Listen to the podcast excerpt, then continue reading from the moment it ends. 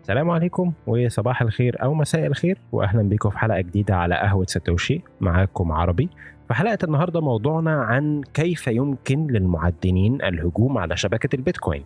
إحنا في حلقتين قبل كده اتكلمنا عن دور التعدين في الشبكة وإيه اللي التعدين بيعمله بالظبط واتكلمنا برضو عن إيه اللي بيحصل للتحويل من أول ما يطلع من محفظتك لحد ما ينتشر في الشبكة ولحد ما يجي لك في محفظتك كونفirmation أو تأكيد على التحويل. اتكلمنا في حلقتين رقم 6 و7 على المواضيع دي بالتفصيل.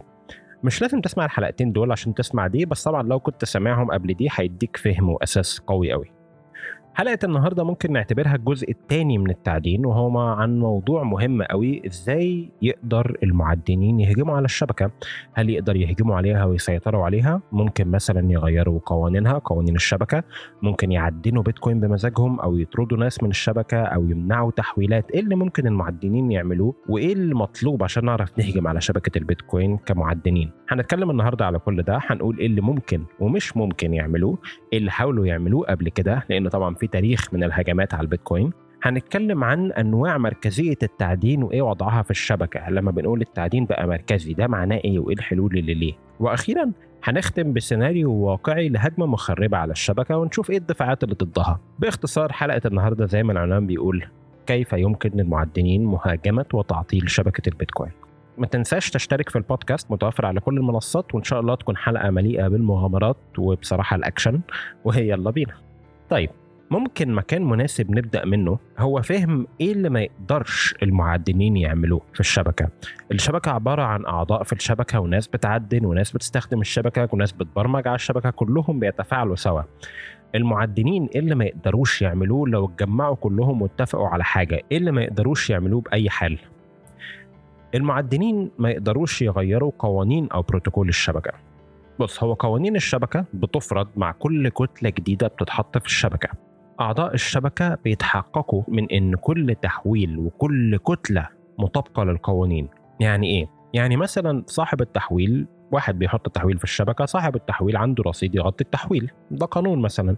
إن التوقيع على التحويل جاي بالمفتاح الخاص السليم. ده مثلا قانون. إن عدد العملات الجديدة المسكوكة أو المنتجة في الكتلة تطابق جدول إنتاج حسب سياسة البيتكوين. ده قانون. حجم الكتلة كم ميجا بايت مثلا؟ في قوانين كتيرة لشبكة البيتكوين والقوانين دي مع كل كتلة وكل تحويل كل أعضاء الشبكة بيتأكدوا إن القوانين دي سليمة وإن الكتلة الجديدة ماشية على القوانين دي. ولو في تحويل واحد في أي كتلة ولو في كتلة واحدة لو في أي حاجة خارج القوانين دي الكتلة لا تضاف للسلسلة أبدا ولا يعترف بيها ولا كأنها موجودة. وتفضل الشبكة قاعدة مستنية الكتلة السليمة بالتحويل السليم. يعني مثلا لو حد حرامي جه حاول يحط تحويل وهو ما عندوش رصيد بس بيحاول يبعت تحويل. والمعدنين كلهم لو 100% بص لو 100% من المعدنين قالوا هنحط التحويل ده في الكتلة الكتلة دي غير صالحة. يعدنوها زي ما يعدنوها ويدفعوا كهرباء ويعملوا اللي يعملوه ويقولوا للشبكة يعلنوا للشبكة وجدنا الكتلة الكتلة اهي اتفضلوا. يقوم الأعضاء الشبكة اللي بنسميهم الفول نودز أو العقد الكاملة أو أعضاء الشبكة يعني يستلموا الكتلة دي يمشوا على تحويل تحويل فيها. إيه ده؟ التحويل ده ما عندوش رصيد يعمل التحويل ده. التحويل ده غير صالح. اذا فالكتلة دي غير صالحة. اذا فلن تضاف. مش هتضاف للشبكة. ولو المعدنين كلهم اتفقوا إن هي دي الكتلة برضه لن تضاف للشبكة. فأول حاجة نقولها إن المعدنين كل حاجة هنتكلم عنها النهارده المعدنين ما يقدروش يعملوه. هم إن هم يغيروا قوانين الشبكة أو يحطوا حاجة غير مطابقة للقوانين اللي في الشبكة. ده مش هيحصل. في كل حاجة هنتكلم عنها النهارده وبأي حال من الأحوال ولو اتجمعت التعدين بقى 100% ولو بقى مركزي وكل اللي بنقوله ده كله بأي حال من الأحوال ما يقدرش يغير قوانين الشبكة زي إن هم 21 مليون عملة زي إن جدول الإنتاج ماشي زي إن التنصيف يتغير الكلام ده كله لا يتغير في الشبكة مهما كان. وعشان نكون واضحين يعني الطريقة الوحيدة إنك تغير الكلام ده كله هو إن كل أعضاء الشبكة كلهم كلهم دون استثناء متفقين مجتمعين يوافقوا على الكلام ده. وده طبعا ده موضوع تاني خالص ده ما يحصلش ومش هنضيع وقت في الليلة دي يعني. ممكن هنا نحكي مثالين شهيرين عشان هنرجع لهم طول القصة طول الحلقة وإحنا بنتكلم آه مثلا في 2012 إحنا عارفين إنه جدول إنتاج البيتكوين ماشي على جدول محدد متناقص بيتنصف أو بينزل للنص كل أربع سنين فمثلا أول أربع سنين بعد إنتاج بعد بعد بعد إطلاق البيتكوين أول أربع سنين كنا ماشيين بمعدل إنتاج 50 عملة جديدة كل كتلة. بعد أربع سنين أو 210 ألف بلوك المعدل ده ينزل للنص بقت 25 عملة جديدة كل كتلة. وبعديها يبقى 12 ونص وهكذا كل أربع سنين ننزل للنص فالمعدنين طبعا هم اللي بياخدوا العملات الجديدة دي. مكافأة ليهم على شغلهم ده. فيجي المعدنين يا سيدي أو يا ستي وفي 2012 ويقولوا في أول تنصيف يقولوا إحنا مش هنقبل بالتنصيف ده. إحنا هنيجي الكتلة اللي بعديها وهنطلعها برضو ب 50 بيتكوين. والقيامة تقوم والناس تتخانق وأنتوا إزاي تخرجوا عن القانون وغيره. بس الموضوع ببساطة إنه جه فعلا بعد التنصيف ده.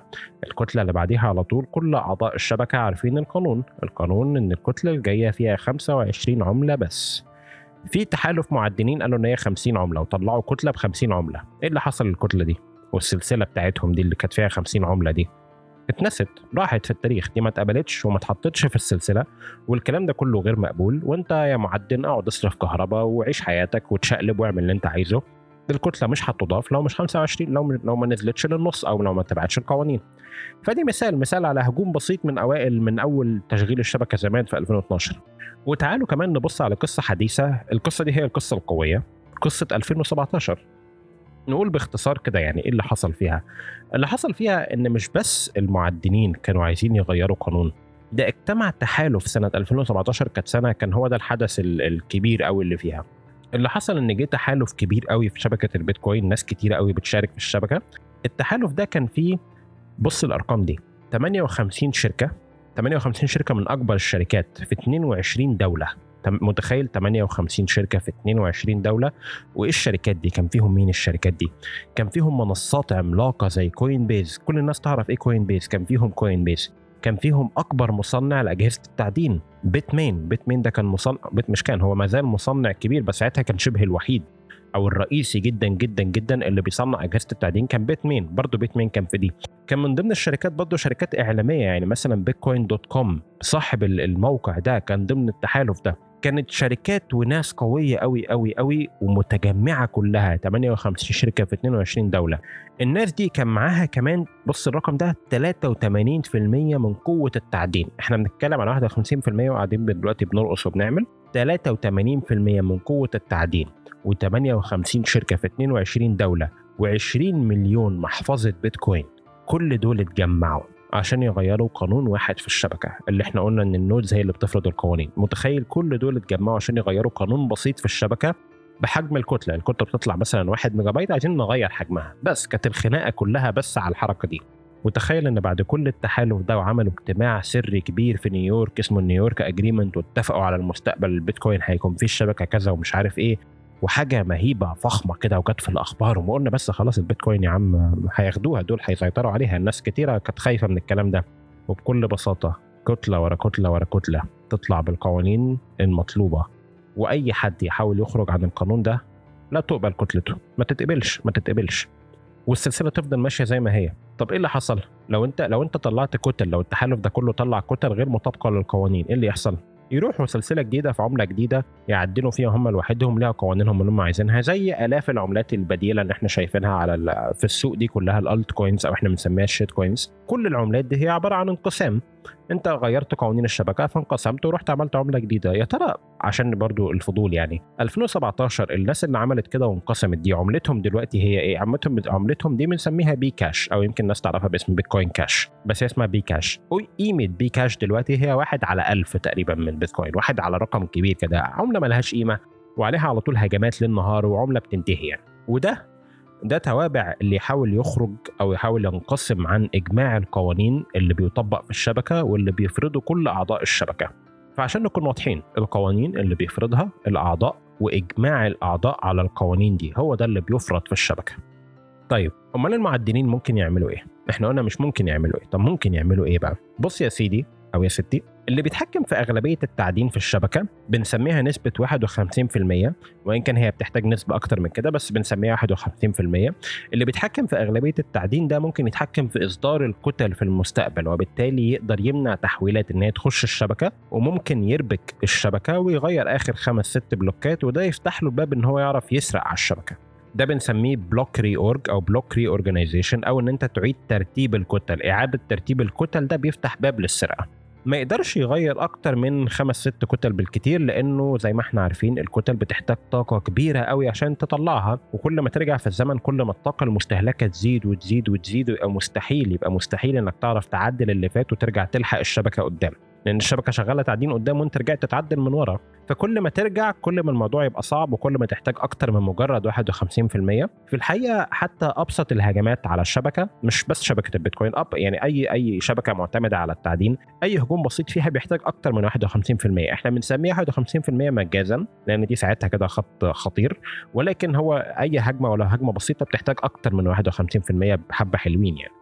استهلاك الطاقة الكبير قوي للبيتكوين زائد الأجهزة المطلوبة كمية الأجهزة المطلوبة للهجوم والبنية التحتية اللي بتحتاجها. الأجهزة دي بقوة وكبر شبكة البيتكوين بتحتاج بنية تحتية لوحدها. يعني أنت ممكن تعمل لها خط ضغط عالي بكهرباء بمولدات كهرباء بقصة عشان تعرف تجيب أنت لوحدك نص كترة التعدين في البيتكوين أو أكتر. أنت محتاج قصة كبيرة قوي فاستهلاك الطاقة والأجهزة والبنية التحتية زائد المخاطرة العالية قوي قوي قوي بالفشل. هو هي مش مخاطرة هي حتمية الفشل. بتخلي الهجوم ده على الشبكة بهدف السرقة هو شيء مستحيل. يعني لو أنت عايز تسرق دي مش دي الطريقة خالص لأنه تكلفة وصعوبة العملية هي أعلى بكتير بكتير من أي عائد للسرقة. مفيش أي حاجة هتسرقها قيمتها هتغطي التكلفة بتاعت عملية السرقة دي عملية السرقة دي غالية وصعبة قوي قوي قوي فالعملية دي بهدف السرقة ده شيء مش هنتكلم عنه النهارده ومش هنضيع وقت فيه لأن ده ما يحصلش على بيتكوين ده يحصل على عملات تانية صغيرة. آه ممكن يحصل وبيحصل للنهارده إيثيريوم كلاسيك ولا أي shitcoin من دول بيتعرضوا للهجمات دي وبيتسرق منهم فلوس. لكن على بيتكوين ده ما يحصلش. فإحنا النهارده مش هنتكلم عن السرقة عشان من الحلقة already دسمة. إحنا النهارده هنتكلم عن الهجوم بهدف التخريب مش بهدف السرقة. جهة مش عايزة تسرق هي عايزة تدمر الشبكة أو تتحكم فيها والتحويلات اللي عليها. طبعا الجهة اللي ممكن تحاول تعمل حاجة زي كده هي الدول. دي الجهات اللي تقدر تستحمل تنسق هجوم بالحجم ده من غير ما يهمها تكلفة أو خسارة مادية أو حاجة. دولة زي الصين مثلا كان فيها أغلبية التعدين يعني على مدى تاريخ البيتكوين كان 80% من التعدين كان في الصين. الصين مثلا قررت دولة عظمى زي الصين قررت إن هي هتمنع التعدين في أرضها وكل المعدنين تطردهم من أرضها ودلوقتي التعدين موزع في العالم أكتر. دلوقتي مثلا دولة زي أمريكا دولة عظمى تانية أهي فيها نسبة كبيرة أي نعم مش زي الصين زمان بس فيها لسه نسبة كبيرة. لو أنا دولة هل في طريقة التعدين يكون مركزي وأنا أتحكم فيه وهاجم وأقفل الشبكة دي بتاعت العملة اللي جاية تهدد عملتي الوطنية دي الشيء اللامركزي ده أقدر أنا هاجم عليه وأقفله بالتعدين؟ عشان نعرف نجاوب لازم نشوف طبقات مركزية التعدين والثغرات اللي في كل طبقة اللي ممكن نستغلها وإحنا بنهاجم الشبكة. لأنه مركزية التعدين أو تعدين البيتكوين له طبقات كتيرة ولو في مركزية أو عرفت تهاجم من طبقة واحدة فيهم فده يفتح المجال للهجوم على الشبكة. لازم كل طبقات التعدين تكون لها مركزية وإلا ده يفتح مجال للهجوم. تعالى ناخدهم كده لفة واحدة واحدة الطبقات دي ونبص إيه اللي بيحصل فيهم وإيه المركزية اللي فيهم. أول طبقة هنتكلم فيها هي تصنيع أجهزة التعدين. التعدين إحنا عارفين إن هو بيتم بأجهزة خاصة بنسميها الايسك ماينر أو الأجهزة المتخصصه في تعدين البيتكوين. أجهزة بتتصنع ما بتعملش حاجة غير إن هي بتعدن بيتكوين لو في مصنع واحد بس هو اللي بيصنع الأجهزة دي كلها فده يفتح باب للهجوم على طول. يعني المصنع ده ممكن يتحكم اني شركات تعدن ممكن يتحكم مين ياخد الأجهزة مين لأ. ممكن يحط زي باب خلفي في الأجهزة ممكن هو يتحكم في الأجهزة بعد ما يصنعها يحط فيها ثغرة أمنية يعني هو يقدر يتحكم في الأجهزة دي بعد كده. يقدر يشوف أنهي أسواق تاخد مش أنهي أسواق تاخد يبقى له سيطرة كبيرة قوي على الشبكة. طب هل ده حصل؟ آه حصل قبل كده. في 2017 القصة اللي قلنا هنرجع لها كل شوية دي. إحنا قلنا كان من ضمن المهاجمين كان أكبر شركة تصنيع أجهزة تعدين. كانت اسمها بيت مين؟ وبيت مين يا سيدي كانت اولا فعلا بدأت تختار العملاء اللي تورد لهم أجهزة تعدين جديدة أو ما تورد لهمش والشركات اللي بتؤيد الانقسام على الشبكة ده كان بيوصل لها أجهزة تعدين الشركات اللي مش بتؤيد ده نبدأ نشيل إيدينا منها شوية نبدأ ما نوصل لهاش أجهزة تعدين. كمان الحدث الأشهر إن هم حطوا فعلا ثغرة أمنية في الأجهزة دي كلها عشان نهاجم بيها الشبكة وكان كمان عندهم قدرة كبيرة قوي من التعدين. بيت مين نفسهم كانوا بيعدنوا كتير. تخيل في 2017 اتفقوا كل الحاجات دي وستيل فشلوا. السؤال هو فشلوا ليه؟ لما هو مصنع أجهزة تعدين بالحجم ده وحاطط أبواب خلفية وبيعدن بنفسه وبدأ يختار العملاء اللي يروح لهم أجهزة والعملاء اللي ما يروح لهمش أجهزة ليه بعد كل ده يفشل؟ أو ليه ما قدرش يستغل المجهود ده كله ويعمل فعلا هجمة بقى على الشبكة؟ لأنه واحدة من أهم طبقات حماية الشبكة الهدف الهجوم ده بالذات على الشبكة ما كانش التخريب الهدف ده كان السرقة أو إن إحنا نسيطر على الشبكة وتبقى بتاعتنا إحنا إن ننقسم على الشبكة وإحنا نسيطر بقى القوانين اللي فيها. الخطر الشديد في هجمة زي كده هو إن أنت لو نجحت فانت خسرت كل حاجة. النجاح في هجمة زي كده معناها إن الشركة دي تخسر كل حاجة. يعني أنت دلوقتي بنيت الشركة بالحجم ده وبتعدل وبتعمل كل الأنشطة الاقتصادية دي والكلام ده كله عشان البيتكوين. لو البيتكوين فشلت أنت أنت أنت نجحت في الهجوم ودمرت البيتكوين أو أذيت البيتكوين. ما هو كل حاجة أنت عملتها انتهت. كل العملات اللي أنت عدلتها وكل الطاقة اللي أنت بتعملها وكل العملاء اللي عندك كل العملاء والزباين اللي عندك كل العلاقات اللي عندك كل ده انتهى شركتك انتهت. لو انت نجحت في هجمة زي كده فكل ده راح. طب لو هو كان نجح ونقل فعلا العملة الجديدة أو الشبكة الجديدة طب ما الشبكة الجديدة ما بقتش لا مركزية خلاص ما انتهت خلاص. ما الشبكة دي بقى معروف إن هم دول بيتحكموا فيها وبرضه فقدت البيتكوين قيمتها ساعتها. واحدة من حماية واحدة من طبقات حماية الشبكة واللي بتخلي حتى لما بنكتشف ثغرة في كود البيتكوين أو مشكلة في البيتكوين بنحمي البيتكوين برضه. ليه؟ لأن هو كل الأعضاء اللي في الشبكة وكل الناس اللي في الشبكة مهتمين جدا بحمايتها لأن هم بيستثمروا فيها وقتهم وفلوسهم والكارير بتاعهم شغلهم ووظيفتهم في المستقبل والشركات اللي بنوها والحاجات اللي اتعلموها. كل ده مبني على الشبكة وكل دول هدفهم حماية الشبكة. الحقيقة الشبكة هتلاحظ شبكة البيتكوين بتوظف دايما الناس عندها إن هم يحموها. طب دلوقتي إحنا قلنا ده هل ده هل دي طبقة الحماية؟ يعني إحنا بقى نستنى هل دلوقتي بقى في بيت مين بس ومستنيين في المستقبل؟ لو حصلت كده تاني آه مع إن شاء الله ربنا يستر يعني. لا. فدلوقتي عندنا مصنعين كتير لأجهزة التعدين لسه بيت مين شركة كبيرة بس دلوقتي كمان في شركات تانية في مش عارف إيه سيليكون وبيت فيوري وشركات تانية كتيرة. ومؤخرا آخر شركة دخلت على المجال ده كانت شركة صغيرة كده يمكن سمعتوا عنها اسمها انتل انتل نفسها بكل بكل كبرها دخلت المجال ده. فدلوقتي عملية تصنيع التع... تصنيع أجهزة التعدين دي ال... ال... لو كان في زمان ضعف فيها دلوقتي المشكلة دي اتحلت إلى الأبد وبقى في مصنعين كتير. ولسه في مصنعين عدد المصنعين بيزيد. بس إحنا كده خلصنا؟ لا ما خلصناش. ما هي أجهزة التعدين دي بتحتاج رقائق إلكترونية بتحتاج ال chips ال microchips أو الرقائق ال processor اللي, بي... اللي بتبني عليها الأجهزة دي. ولو في واحد بس هو اللي بيصنع شرائح الكمبيوتر دي أو التشيبس دي فالواحد ده ممكن برضه يسيطر على التعدين. ممكن يجي قرار حكومي بسيط كده هو يقول آه ممنوع توريد الشرائح الشرائح الإلكترونية أو ال microchips دي ممنوع توريدها للمصنعين اللي بيعملوا أجهزة التعدين. وخلصنا على كده. ادي هجوم اهو. فلا مش بس مصنع التعدين كمان لازم يكون مصنعين شرائح الإلكترونية كمان كذا حد فيهم يكون موجود. والحقيقة آه عندنا بالفعل دلوقتي ثلاثة عندنا TSMC مثلا دي في تايوان وعندنا سامسونج دي في كوريا ودخلت على الخط الجديد انتل زي ما قلنا ودي في أمريكا.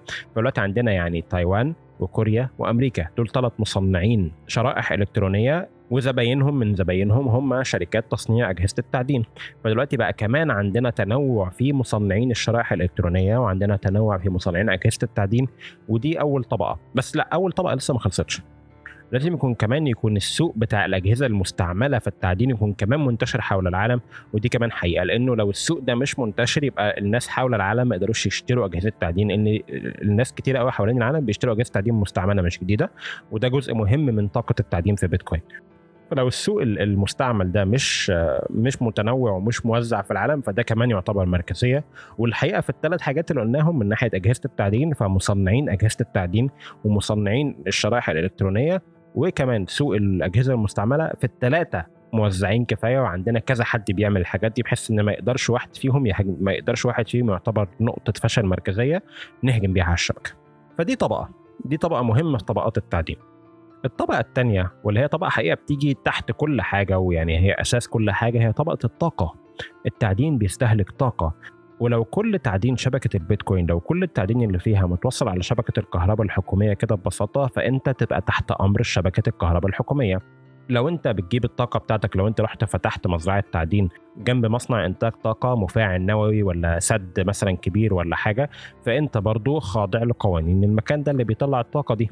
فلازم في التعدين لازم يكون الطاقة المستهلكة في التعدين تكون موزعة على شبكات كتيرة في أماكن كتيرة من مصادر طاقة كتيرة ومختلفة وإلا إحنا كده بنفتح باب مركزية للشبكة. في الحقيقة هي دلوقتي فعلا هي بالفعل لا مركزية وده هيزيد أكتر بكتير مع زيادة التبني البيتكوين في العالم مع اكتشاف العالم لإزاي التعدين البيتكوين بيساعد في إنتاج الطاقة في مثلا البراكين أو في المفاعلات النووية أو في السدود الطاقة المائية اللي جاية من السدود أو حتى في طاقة أو حتى في إنتاج الكهرباء بالغاز أو بالفحم كل مصادر إنتاج الطاقة تقدر تستفيد من تعدين البيتكوين لأن تعدين البيتكوين بيعمل حاجة اسمها موازنة للشبكة فلما الطلب يكون عالي من الشبكة عموما فده شيء جميل. لما الطلب ينخفض ما اضطرش أخفض إنتاج الطاقة بتاعي. ممكن أوزن استهلاك الطاقة بأن أشغل تعدين البيتكوين لما يكون الطلب على الطاقة قليل وأقفل تعدين البيتكوين لما الطلب على الطاقة يزيد. والحكاية دي بتخلي منتجين الطاقة وموزعين الكهرباء يقدروا يستفيدوا أكتر ويقدروا يبقى عندهم ربحية أكتر في في, في, في إنتاج وتوزيع الطاقة. بالإضافة بالإضافة لكده زي ما حكينا في حلقات قبل كده تعدين البيتكوين بيستخدم في إنتاج البترول لأنه إنتاج البترول بيولد غازات مضرة بالبيئة ما بنستعملهاش لأن هي بتبقى غازات كميتها قليلة إن إحنا نبني لها حلول تخزين ونقل وإنتاج والكلام ده كله فببساطة بيحرقوها. اللي اسمها الميثين أو ال flare gas. في غاز كده هو مش هتعمل بيه حاجة غاز الميثين بيبقى فيه بواقي دايما في كل بيت بترول أو حاجة بيبقى دايما فيه بواقي وإحنا ما بننقلوش وما بنعملش بيه حاجة وبيتحرق لأنه لو ما اتحرقش بيبقى مضر قوي بالبيئة لو طلع لو اتساب يطلع كده بيكون مضر قوي بالبيئة فلازم نحرقه. الحقيقة معدنين البيتكوين دلوقتي جزء كبير منهم بيشتغل على محطات إنتاج البترول سواء في البحر أو في البر أو كده كل ما يلاقوا في حبة غاز يروحوا يعدنوا بيه بيتكوين.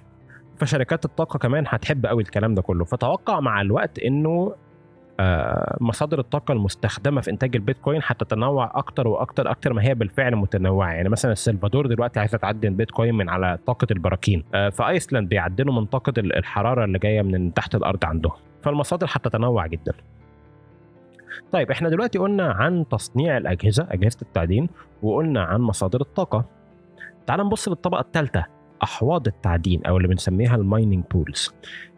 دي الحقيقة من أشهر الحاجات اللي هتشوفها الناس تتكلم عنها على تويتر أو غيره إن التعدين بقى مركزي ليه؟ أصل حوض التعدين أصل مركزية أحواض التعدين. دي من أشهر الحاجات اللي هتلاقي عليها دايما كلام وهجمات وانتقاد وغيره. اولا نقول يعني إيه حوض تعدين؟ يعني إيه mining pool ده بيعمل إيه؟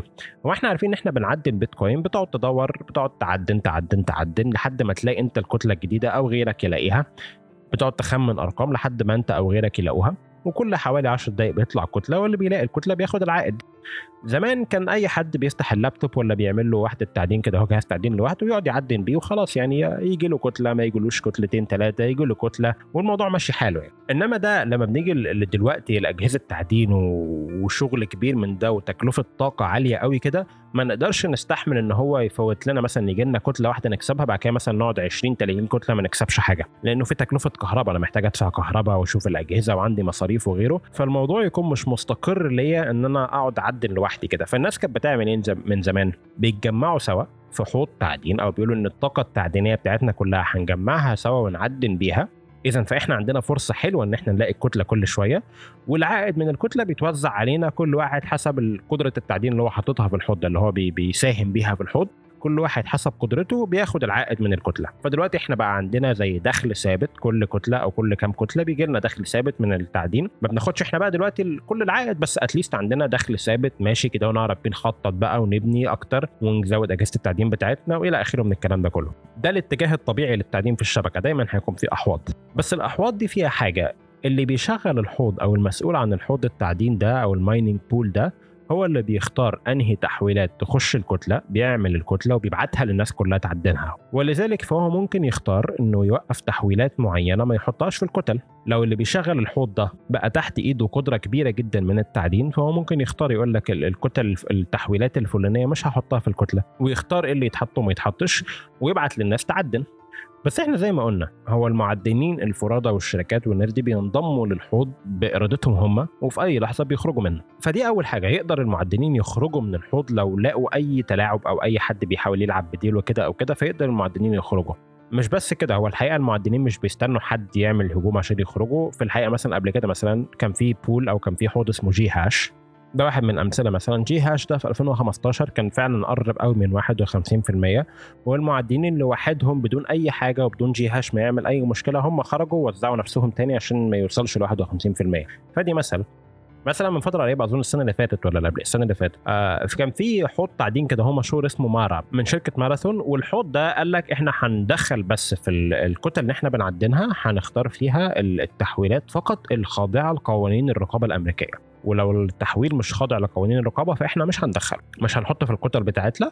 وبالفعل قاموا بتعدين أول كتلة وحطوا عليها بكل فخر كده وختم OFAC compliant Mara block. إن هو ال block ده بتاع Mara وده OFAC compliant أو خاضع لقوانين العقوبات الأمريكية وقوانين السياسة الأمريكية وكده. طبعا ده على طول هو ده مش تهديد للشبكة على قد ما هو بصراحه عبط. بس هو يعني إيه؟ ده على طول أي مجتمع البيتكوين كله على طول الحركة دي ما تعجبوش. شبكة البيتكوين ما بتعترفش بالعقوبات الأمريكية ولا مش أمريكية.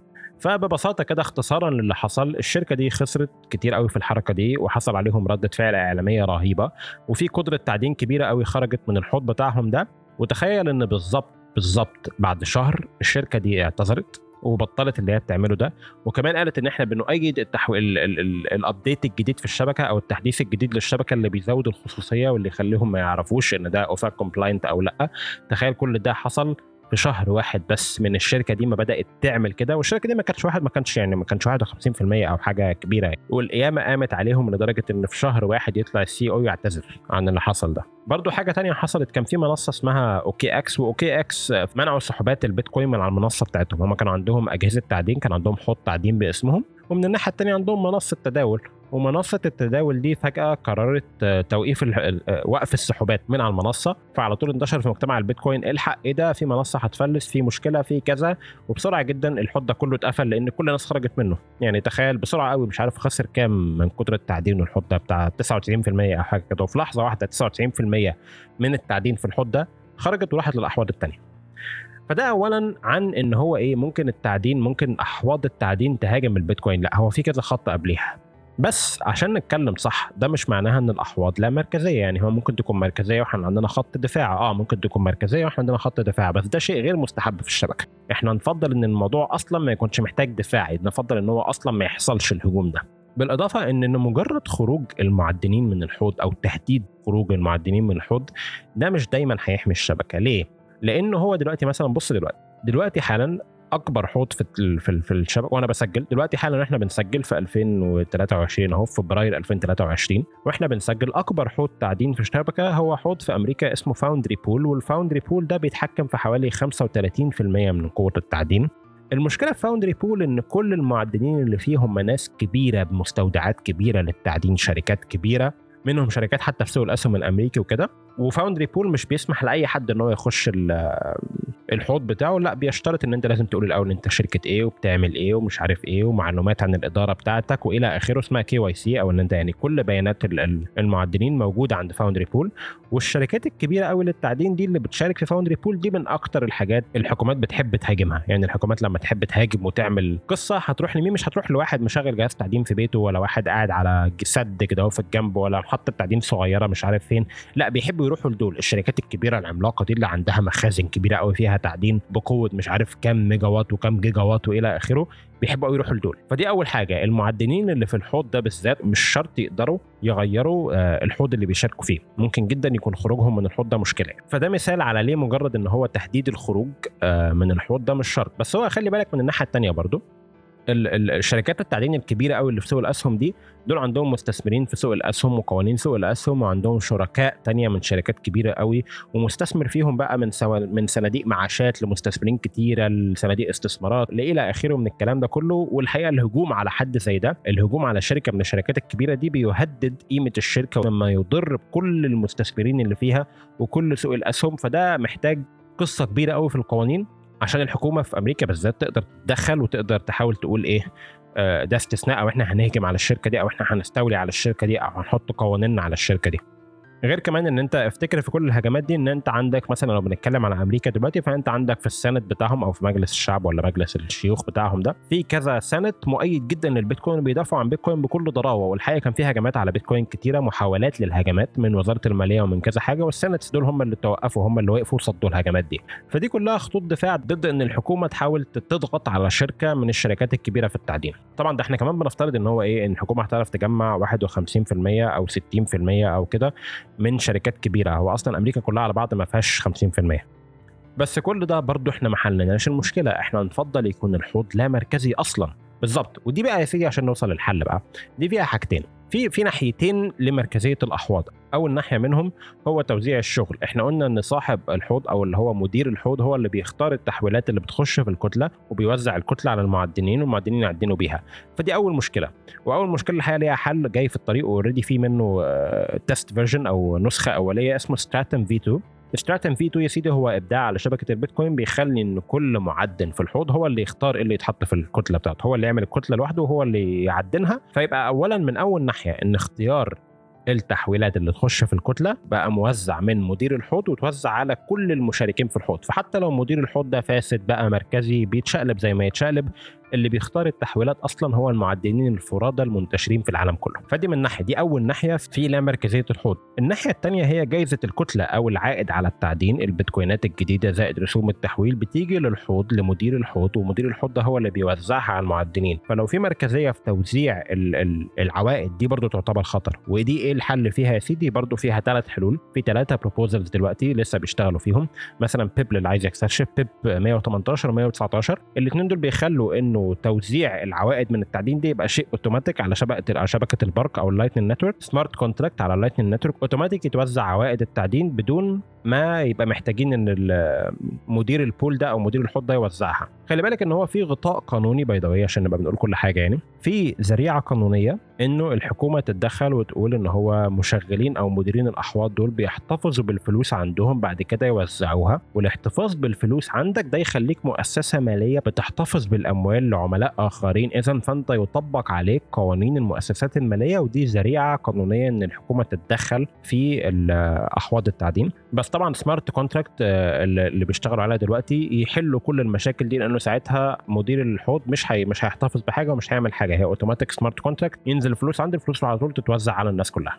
فيبقى إحنا كده اتكلمنا في أحواض التعدين المركزية اللي فيها حاليا وإيه الدفاع ضدها وإزاي تبقى لا مركزية؟ وقلنا إن اللامركزيه جاية من إن أنت توزيع الشغل وتوزيع الفلوس والاثنين دول ليهم حلول من ناحية Stratum V2 أو ال smart contracts على ال Lightning Network طب إحنا كده اتكلمنا في تصنيع اجهزه التعدين واتكلمنا في الطاقة واتكلمنا في أحواض التعدين. إيه تاني يا عم عربي؟ إيه تاني هنمركز منه؟ آه لا لسه لسه أهم واحدة فيهم باقي واحدة وهي أهم واحدة فيهم. أماكن المعدنين. لو أنت عندك كذا حوض وكذا حاجة بس المعدنين كلهم في نطاق قانوني واحد تحت حكومة واحدة أو في منطقة واحدة فالحكومة ممكن تيجي وتقول آه المعدنين كلهم في نطاق تحت سيطرتي أنا في, في النطاق الحكومي بتاعي أنا ولذلك أنا هروح أسيطر عليهم. هي الحقيقة الصين أثبتت إن هو مجرد الطرد إنك تقول البيتكوين تعدينه ممنوع. ده ما بينفعش لأن البيتكوين تعدينه ممنوع قامت الناس كلها خارجين وموزعين نفسهم. والحقيقة التعدين يعني التعدين لو كان في مرة من المرات كان أماكن التعدين مركزية فالموضوع ده انتهى بطرد الصين المعدنين. وبالمناسبة كان طول السنين اللي فاتت تقعد تسمع صياح كتير قوي عن إزاي التعدين مركزي في الصين. الصين هتسيطر على التعدين التعدين مركزي في الصين. بعد كده طلعت الصين قالت ممنوع التعدين أما الناس كلها خارجة ودلوقتي الشبكة من ناحية الأماكن أو الدول اللي بيتعدن فيها هي لا مركزية تماما لأن مفيش دولة واحدة عندها غالبية التعدين في أرضها. وبعد خروج المعدنين من الصين اللي كانت عندها حوالي 80% بعد خروجهم من الصين دلوقتي أمريكا هي أكتر بلد فيها نسبة تعدين وحاليا حوالي 38% من التعدين البيتكوين في العالم موجود في أمريكا. اولا المستقبل هيتبع مصادر الطاقة والسياسة مع بعض. يعني إيه ده؟ يعني التعدين بيحتاج مصادر طاقة رخيصة مهدرة مش مستعملة نقدر نستفيد بيها في التعدين. مين عنده طاقة كبيرة قوي ممكن يستغلها وممكن يكون في منها فائض أو حاجات بتضيع ممكن نستغلها. في دولنا العربية عندنا البترول كله في دول الخليج عندنا البترول برضو في شمال أفريقيا مثلا ليبيا والجزائر وكل دول يقدروا يعدنوا تعدين بيتكوين بكميات رهيبة يفيدهم في كل تعدين البترول بتاعهم. عندنا برضو روسيا وعندنا إيران وعندنا في الناحية الثانية مثلا بلد زي فنزويلا عندنا نيجيريا فيها تعدين فيها مصادر طاقة كبيرة. فالبلاد دي كلها مع كبر حجم البيتكوين في المستقبل ليها مصلحة إن هي تعدي البيتكوين. إحنا قلنا هيتبع الطاقة والسياسة. دي من ناحية الطاقة. طب من ناحية السياسة إيه اللي يحصل؟ من ناحية السياسة في العقوبات وكل اللي إحنا بنشوفه في الأخبار العالمية يطلعوا يقولوا روسيا ممنوعة من شبكة سويفت أو من شبكة البنوك يطلعوا يقولوا إيران إيران عليها عقوبات ممنوعة من شبكة كذا. وطبعا إيه الدولتين اللي طلعوا بعد بعد العقوبات دي وقالوا انه آه بنستكشف تعدين البيتكوين وبنستكشف البيتكوين كعملة تتخطى العقوبات وإلى آخره؟ كانت روسيا وإيران. وروسيا وإيران فيهم طاقة كبيرة قوي يقدروا ينافسوا على طول مصادر التعدين في كل العالم ويقدر الموضوع يتوزع أكتر وأكتر وأكتر. فالتعدين في المستقبل في الحقيقة هيتبع السياسة وهيتبع مصادر الطاقة وهيتوزع تماما بين الدول. خلي هو دلوقتي اللي يخلي التعدين كوسيلة تتخطى العقوبات بالنسبة لروسيا وإيران أو أي دولة تانية لها عقوبات الحاجة الوحيدة اللي تخلي ده ما ينفعش حاليا هو حجم البيتكوين. حجم البيتكوين صغير شوية إن هو يستحمل إن دول زي كده تخش بكل تقلها وتستعمله بقى في التجارة العالمية وكده. بس مع نمو البيتكوين ده هينفع. ولما البيتكوين ينمو وده ينفع والدول دي فجأة تدرك وبالفعل بوتين اتكلم عن كده وإيران اتكلموا عن كده إن دي عملة ممكن تتخطى العقوبات. لما الموضوع ده يبدأ يشتغل بالفعل أول حاجة تبقى إيه؟ أول حاجة هيقولوها الدول دي إحنا من أمننا القومي إن إحنا نعدل وإن يكون في عندنا نسبة محترمة من أجهزة التعدين أو من طاقة التعدين تكون عندنا. فبسرعة قوي هتلاقي الموضوع ده اتحول لمنافسة عالمية. كل البلاد بدأت تخش اللي هو يكون عندي جزء من التعدين عشان يفضل الموضوع متوازن ما بيننا عشان نفضل ضامنين إن الشبكة دي ليها مركزية لأن الشبكة دلوقتي بتعدي بيها كل العقوبات ومفيش أي بلد تعرف تتحكم في نظام التجارة بتاعي. فبعد شوية الحقيقة هتشوف إن التعدين في البلاد دي بقى مسألة أمن قومي وبقى بيشجع عليه وبقى في منافسة بين الدول إن هم يحطوا تعدين عندهم ده طبعا مع نمو البيتكوين أكتر وأكتر وأكتر وهيبقى ميزان بين الاثنين هتلاقي بيتكوين بتكبر فالتعدين والمنافسة على التعدين بتزيد فبيتكوين بتكبر أكتر والتعدين بيزيد وإلى آخره. فالحقيقة حتة ال physical location أو إن هو أجهزة التعدين موجودة في أنهي بلد أو في أنهي نطاق قانوني دي بالفعل لا مركزية وهتزداد وهتزداد لا مركزية مع الوقت. خلي بس السلفادور تفتح التعدين البراكين بتاعها التعدين على البركان بتاعها ده. ده لوحده وده لوحده قصة يعني. إحنا دلوقتي خدنا طبقات البيتكوين طبقات التعدين البيتكوين وقلنا المركزية فيها في كل طبقة فيها ممكن تيجي منين وإيه الدفاع ضدها وإيه الحل ليها. نوصل يا سيدي بقى أو يا ستي لآخر نقطة. تخيل إن أنت النهارده في فبراير 2023 ودلوقتي في كلام كتير على تويتر وصياح كتير على تويتر إنه حوض التعدين بقى مركزي وإن في مركزية في التعدين وإلى آخره. إزاي ممكن المعدنين اكشلي يهاجموا؟ أو إزاي ممكن تحصل هجمة من الحكومة يسيطروا على المعدنين ويحصل هجمة؟ إحنا قلنا كذا مرة إن المعدنين هم أكتر ناس مؤمنين بالبيتكوين وأكتر ناس بولش على البيتكوين لأن هم أكتر ناس مستثمرين ومؤمنين ومكملين في البيتكوين ده. لو أنت بتستثمر في إنك تجيب عملة بيتكوين وتخزنها في المحفظة ولو غيرت رأيك تبيعها ده مش كده المعدنين مش كده المعدنين بيتربطوا بعقود واستثمارات ومصادر طاقة وقروض يدفعوها وتعاقدات على الطاقة وبنية تحتية وشبكات وقصة كبيرة قوي عشان يعرف يفتح مزرعة تعدين من الكبار اللي إحنا بنشوفهم. فهو لما بيخش في المجال ده هو مش مجرد هيغير رأيه ويطلع وهي خلصنا. يعني مش زيك. بالعكس ده المعدنين دول أكتر أكتر ناس مؤمنين بالبيتكوين هم اللي بيعدنوا بيتكوين. وقلنا إن هو أنت أصلا قبل ما تبدأ هجمة على الشبكة فأنت عارف إن الهجمة دي لو نجحت أنت خسرت كل حاجة. لو أنت هجمتك دي عرفت تحققها فأنت أول واحد خسرت. كان ساتوشي الحقيقة له كلمة عليها إن هو تخيل أنت معاك حتة ذهب لو سرقتها الذهب ده يتحول لحتة حديد. ده البيتكوين. لو عرفت تسرقها الذهب اتحول لحديد. ما بقاش ليها قيمة.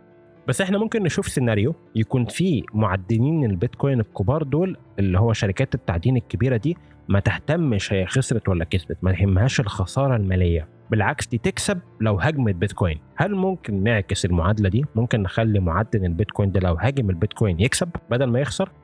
آه في طريقة. الحقيقة الحقيقة قعدت أدور كتير كتير وأنا بحضر الحلقة لحد ما لقيت الطريقة دي. كان بيتكلم عنها مات أوديل في Rabbit Hole Recap ده بودكاست إنجليزي وكان بيتكلم عنها مات أوديل آه هو أكتر حد فكر في الطريقة دي. الطريقة إيه يا سيدي؟ أنت دلوقتي عندك معدنين كبار قوي في مستودعات كبيرة قوي بيعدنوا على نطاق واسع قوي المعدنين دول لو افترضت إن إحنا بالفعل بدأت الهجمة دي والهجمة دي شغالة دلوقتي إن هو Foundry pool أو المؤسسات الكبيرة اللي بتعدن بيتكوين دي اللي هي نيتهم من الأول مش سليمة وإن كل ده هو عبارة عن هجمة من الحكومة الأمريكية. فانت ممكن تفترض إن المعدنين دول كلهم بيشتغلوا في الآخر عشان يهاجموا الشبكة.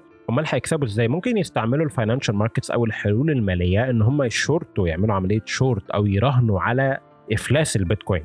يروح من منصة عقود كبيرة قوي عليها التداول ده كله زي CME مثلا ويقوم رايح عامل شورت لبيتكوين.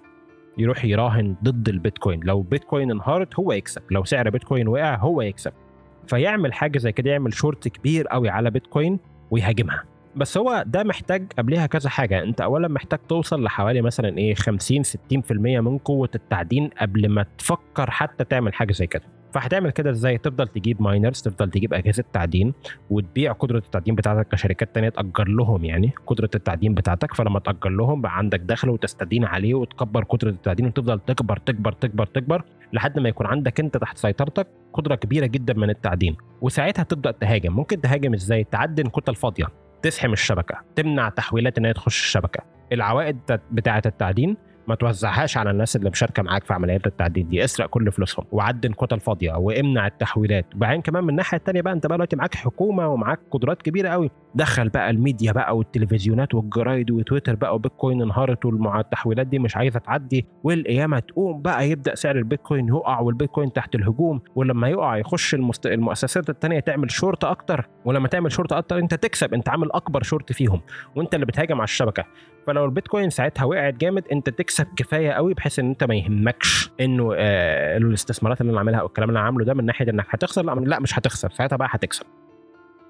فده سيناريو. أنا الحقيقة وأنا بحضر الحلقة قعدت أفكر فيه شوية ولقيت لو في سيناريو مش هقول واقعي لو في سيناريو ممكن لو في أمل نص في المية إن حد حاول يهاجم لو في طريقة يهاجموا بيها فهي دي الطريقة. بس الطريقة دي زي ما قلنا محتاجة إيه؟ أول حاجة محتاج يكون عندك أكتر بكتير تقريبا من 51% مش مجرد 51% ما تكفيش.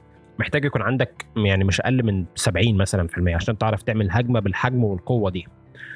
بعدين لازم يكون عندك إيه؟ تخيل إيه العقبات اللي ممكن تقابلها وأنت معدي في الطريق. أول حاجة زي ما قلنا الشركات الكبيرة قوي دي مستثمر فيها صناديق معاشات وصناديق استثمارات وسوق الأسهم وقصة كبيرة قوي والقوانين عليها إنك تاذيها دي قوانين كبيرة قوي عشان تعرف الحكومة تقول ان أنا هتحكم في حاجة زي كده. بس إحنا هنفترض إن الحكومة مش هيهمها زي مليون حاجة ما بيهمهمش حاجة فيها وأمان مش مشكلة هنوقع كل حاجة بس إحنا هنهاجم بيتكوين أنا هنهاجم بيتكوين. عندك خط تاني كمية البيتكوينرز المشتركين في الشركات دي اللي عاملين الشركات دي واللي غالبا غالبا هيفضحوا كل الهجوم ده من قبليها وهيبوظوا كل الأجهزة دي وهتلاقي الحرب قامت من قبليها. زي ما قلنا قبل كده الشبكة بتوظف كل الناس إن هي تحميها. الشبكة بتوظف كل من السياسيين للمؤسسات للكلام ده كل الشبكة عمالة توظف ناس لحمايتها كده تحميها. أنا أفكر في قد إيه احتمال حاجة زي كده تحصل؟ واحد من 10% 0.1% حاجة زي كده. خلي بالك هو إحنا إحنا حاجة زي كده تحصل؟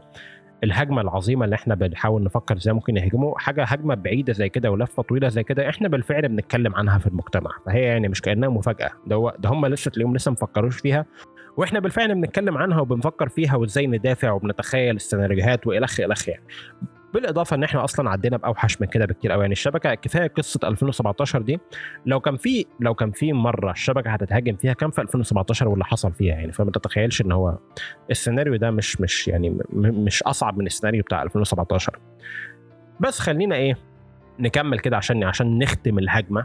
فلنفترض جدلا إن كل ده حصل والاحتمال البعيد الملفوف ده بعد سنتين مثلا أو حاجة من دلوقتي حصل. البيتكوين وساعتها الشبكة بقى إيه توقفت وسعر البيتكوين وقع والناس ما كانتش عارفة تحط تحويلاتها والشبكة اتعطلت قوي عن الشغل وكان في هجمة حقيقية بقى على الشبكة. ال Bitcoiners بيقولوا ساعتها هنستعمل ال nuclear option أو الخيار النووي. الخيار النووي بيقول إن إحنا هنعمل fork في الشبكة أو هنقسم من الشبكة. هنيجي عند الكتلة اللي حصل عندها الهجوم ده ونقسم نعمل سلسلة جديدة. والسلسلة الجديدة يكون التعدين عليها باستخدام خوارزمية غير ال SHA 256 المستخدمة حاليا. خلي بالك أجهزة التعدين كلها بتشتغل على خوارزمية واحدة. فأنت لو غيرت الخوارزمية كل التعدين اللي في العالم ده كله انتهى ولازم تبدأ من أول وجديد تبدأ تبني الشبكة من أول وجديد. ده بيسموه الخيار النووي. بس بصراحة أنا هعترف لكم أنا مش موافق. أو الخيار ده بالنسبة لي ده ما يعتبرش خيار ده يعتبر الشبكه فشلت وانتهت.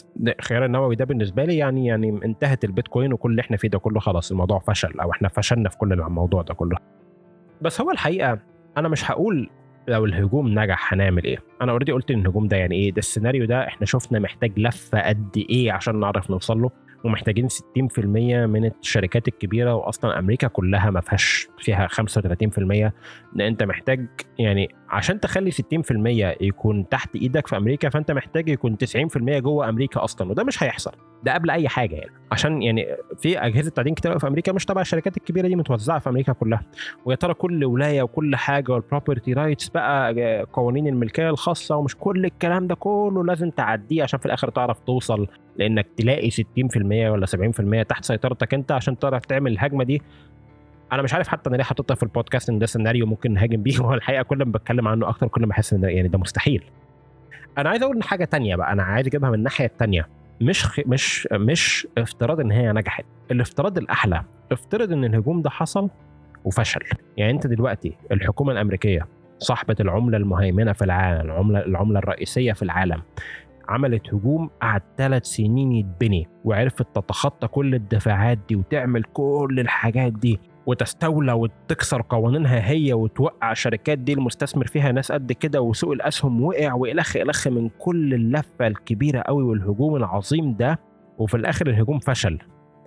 عارف إيه اللي يحصل لو حصل حاجة زي كده؟ عارف لو الهجوم ده فشل إيه اللي يحصل؟ بيتكوين تبقى بكرة كده هو العملة الرسمية الجديدة للعالم كله. في لحظة في لحظة. إحنا بنتكلم على hyperbitcoinization وان إزاي البيتكوين هيبقى عملة العالم بعد مثلا إيه بنختلف بقى 10 سنين 50 سنة 100 سنة بنختلف. كل الاختلاف ده ساعتها مش مهم. لو هجوم زي كده حصل وفشل بيتكوين مش محتاجة حاجة تاني خلاص إحنا كده خلصنا. إحنا كده خلصنا. بيتكوين بكرة الصبح كده تصحى تلاقي 100 مليون دولار بيتكوين بقت العملة الرسمية للعالم وخلصنا. لأنه أهم يعني أنت كده أثبت بدون أي بقى ما فيهوش أي شك إن ما حدش يقدر يوقف بيتكوين. هو بالفعل إحنا البيتكوينرز والناس اللي درسوا الموضوع بعمق عارفين إن ما حدش يقدر يوقفها. بس أنت كده قدمت للعالم أنت قدمت للعالم كل الإثبات اللي هم عايزينه إنه يقولوا إن دي ما حدش يقدر يوقفها. كل الدول تصحى الصبح كده أمريكا عملت الهجوم ده وفشل بس كده خلصنا بس كده خلصنا. فالحقيقة لما تيجي تفكر فيها والله يا ريت يعملوا الهجوم ده. يا ريت يا ريت تخيل مسؤول أمريكي يسمع البودكاست بقى أو يسمع مات أوديل مش هيسمعنا أنا طبعا يسمع مات أوديل ويقرر يعمل الهجمه دي. يا سلام. يا ريت والله يتفضلوا عشان نخلص عشان نبقى بيتكوين عملة عالمية بكرة ونخلص يعني. المهم الحلقة كسرت ساعة في التسجيل وأنا بتكلم أهو والموضوع أخدنا. اتكلمنا عن عشان نبدأ نلم بقى ونوصل لخلاصة الحلقة. اتكلمنا عن اللي ما يقدرش المعدنين يعملوه بأي حال من الأحوال. اتكلمنا عن طبقات مركزية التعدين. من تصنيع أجهزة التعدين بعد كده الطاقة بعد كده أحواض التعدين بعد كده وجود المعدنين كلهم في منطقة جغرافية واحدة. بعد كده قلنا سيناريو لهجمة ممكن تحصل إزاي. إحنا ما اتكلمناش على كام حاجة كده بسيطه لأن الحقيقة مش مكانها في الحلقة والحلقة بالفعل طولت ودسمة. مثلا ما اتكلمناش على بعد 50 سنة مثلا أو بعد 20 30 سنة لما صك العملات الجديدة يبدأ يقف المعدنين الحافز اللي يخليهم يعدنوا اللي يعدنوا ليه؟ أو التعدين هيتوزع إزاي؟ إزاي رسوم التحويل على الشبكة هتتأقلم مع الكلام ده كله؟ كل ده الحقيقة موضوع تاني طويل وله حلقته لوحده يعني. بس عشان لو حد سال أنت ما اتكلمتش على دي أنا عارف أنا ما اتكلمتش عليها ودي مش مكانها هنا في الهجوم ده ده مش مكانها. عشان نختم بقى الحلقة عشان عشان نلم الموضوع ده كله كده ونطلع بخلاصة كده مفيدة. ساتوشي من أول ما اخترع البيتكوين من أول كلمة قالها. قال الثقة في العملات الحكومية فيها مشكلة والعملات اللي الحكومات بتنتجها والبنوك فيها مشكلة. قال إن إحنا لازم نكون لا مركزيين وساتوشي فهم ساتوشي فهم اخترع البيتكوين. على قد ما اختراع البيتكوين ده كان أمر عبقري في مثل شهير قوي أو في جملة شهيرة قوي في البيتكوين بتقول دي تاني أذكى حاجة ساتوشي عملها. إن هو اخترع البيتكوين. أمال إيه أول أذكى حاجة؟ إيه أكتر حاجة ذكية ساتوشي عملها؟ إن هو اختفى. ساتوشي اختفى لأنه فاهم لأنه فاهم اللي هو عمله. فما تتوقعش ما تتوقعش الموضوع هيمر مرور الكرام كده إن الدول والحاجة هتسيب عملتها كده أو مش عارف إيه أو هيسمحوا العملة مش تحت سيطرتهم إن هي تنتشر كده. الناس اللي بتتحكم في العملات المركزية في العالم هيحاربوك بكل الطرق. وتوقع إن مستوى الهجمات وتعقيد الهجمات وقوة الهجمات هتزيد مع نمو الشبكة. بس الحقيقة التعدين بياخد اهتمام أكتر مما يستحق. الهجمات مش هتيجي من التعدين ومش ده أسلوب الهجمة. الحقيقة أنا كنت يعني كنت كنت بحضر لحلقة كاملة عن إزاي يعني الهجمات الحقيقية بقى على الشبكة اللي بتأثر فيك أنت مش فيك بتأثر في تبني الناس للعملة واستخدامها للعملة. ممكن تفتح في المستقبل أبواب خطر حقيقية. لأن الهجمات دي هتيجي والهجمات دي هتبقى بلا هوادة وبلا رحمة. لأن البيتكوين هو التهديد الحقيقي للنظام العالمي الفاسد أو للفساد في الأرض. البيتكوين هو التهديد الوحيد الوحيد الحقيقي. بس الهجمات دي والقصة دي كلها الحقيقة ما فيهاش التعدين والتعدين ده واخد الهجمات على التعدين هتلاقي واخد حجم أكبر من حجمه بكتير. وال Bitcoiners لازم يكونوا واعيين وصاحيين وبيحضروا وبيفكروا وهم اللي بينتقدوا الشبكة وهم اللي بيدوروا على نقاط الضعف فين أو ال ال أو الهجمات ممكن تيجي منين. والبيت ال Bitcoiners بالذات هم اللي لازم يعملوا كده لأنه بص حواليك كده بص يا إما الناس اللي هم في في الماليه العادية اللي لا بيتكوين ولا كريبتو ولا أي حاجة ولا في دماغهم الكلام ده كله كلامهم متواضع قوي قوي وانتقاداتهم على قدها بص جيمي دايما قال إن هي هتبقى 21 اللي يمنع بكرة تبقى 22 مليون. ده ده انتقاد ده, ده مستوى انتقاداتهم يعني. ومن الناحية الثانية برضو عندك الناس بتوع الكريبتو اللي بيتعاملوا بال shitcoins وغيره وكل شوية يقولوا الهجمة على البيتكوين إيه والبيتكوين فشل ومش فشل وكلهم للأسف كل كلامهم وكل تحليلاتهم على طول بتوضح مستوى متواضع وضحل قوي من الفهم ولا يرقى المستوى إن إحنا فعلا هجمة على الشبكة أو تحليل إزاي نحمي الشبكة أو غيره. فالحقيقة أهم حد ينتقد الشبكة ويفكر بطريقة إزاي ممكن حد يهجم عليها والعدو ممكن يتفكر إزاي ويتحقق بنفسه أكتر حد مؤمن بكلمة don't trust verify لا تتح... لا تثق تحقق. أكتر حد مؤمن بالكلام ده هو ال Bitcoiners كل الناس اللي بتيجي تفكر إزاي البيتكوين انتهى وبتعلن إن البيتكوين فشل ويعملوا تويتر thread كبير إعلان إزاي البيتكوين فشل وأنا كنت قايل لكم والتعدين فيه مشكلة. كل الناس دي كلها دايما كل شوية يجي حد ويقعد يحط نظريات إزاي البيتكوين هتموت. ويحط أسباب ودراسات ليه البيتكوين هتموت. بس ما حدش ابدا بيسأل. هي ليه ما ماتتش لحد دلوقتي؟ لما هو كل الأسباب دي موجودة والبيتكوين هيموت بسبب أسباب عظيمة كتيرة قوي. ليه لسه ما ماتش؟ ليه ما فشلش ومات وخلصنا من الليلة دي؟ أنا عايز أختم البودكاست بحاجة هو الناس اللي داخلة البيتكوين إحنا كلنا داخلين لسببين. يعني هو إما أنت هنا عشان عارف إن دي الحرية ودي المستقبل البشرية ودي كذا ودي كذا ودي كذا فأنت هنا عشان الحرية والتكنولوجيا وغيره.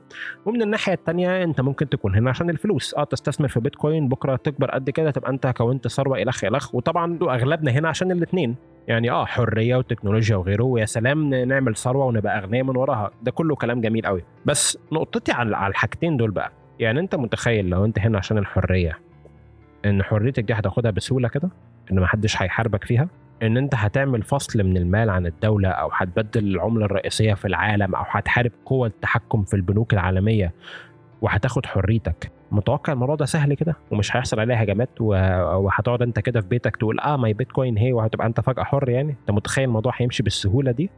لا مش هيمشي بالسهولة دي. ولو أنت هنا عشان الثروة أو عشان الفلوس بس هو أنت متخيل إن الناس اللي استثمرت في بيتكوين بدري ما عدوش بهجمات أشد من كده وما عدوش بريسك ومخاطرة أقل من كده؟ هل أنت متخيل إن أنت هتكون ثروة بدون أي مخاطرة؟ ببساطة كده وأنت قاعد في بيتكم كده هو بدون ما يبقى فيه قلق وكذا ودفاع وناس بتبني وناس بتعمل هتعمل ثروة كده ببساطة كده؟ الإجابة للاثنين دول لأ. الموضوع لا هو هيمشي بالهومة ولا هو هيمشي بسهولة ولا هو هيمشي كده مش عارف إيه ولا أنت هتقعد في بيتك كده بدون ما تدرس وتنفق الوقت والدراسة والكلام في إنك تفهم ليه ليه الهجمات دي لأ أو تفهم إيه اللي يستاهل تنتبه له وإيه اللي ما يستاهلش تنتبه له إيه اللي جهل وايه اللي فهم. الإجابة على السؤالين دول الحرية أو التكنولوجيا والفلوس. هل هيتم بسهولة كده وببساطة؟ لأ. بس في الآخر افتكر افتكر أهم حاجة في الموضوع ده كله. tick tock. الوقت بيعدي. tick tock. في block. 10 دقايق. كل 10 دقايق block. block. block. ما بنقفش. بس أظن دي نقطة حلوة نختم عندها البودكاست. أنا شاكر جدا استماعكم لحد آخر البودكاست اللي بيسمع لحد آخر البودكاست. الحقيقة الحلقة تعبتني واستمتعت بيها قوي في نفس الوقت في, في تحضيرها. فأتمنى إن هي تكون كانت مفيدة لكم. لو مفيدة ليكم بطلب منكم تعملوا rating على البودكاست وتشيروها تعملوا retweet تبعتوها لأصحابكم. إلى آخره من الكلام الحلو ده. وشكرا جدا لاستماعكم. كان معاكم عربي أو ارابيك هودل وأشوفكم الحلقة الجاية. والسلام عليكم.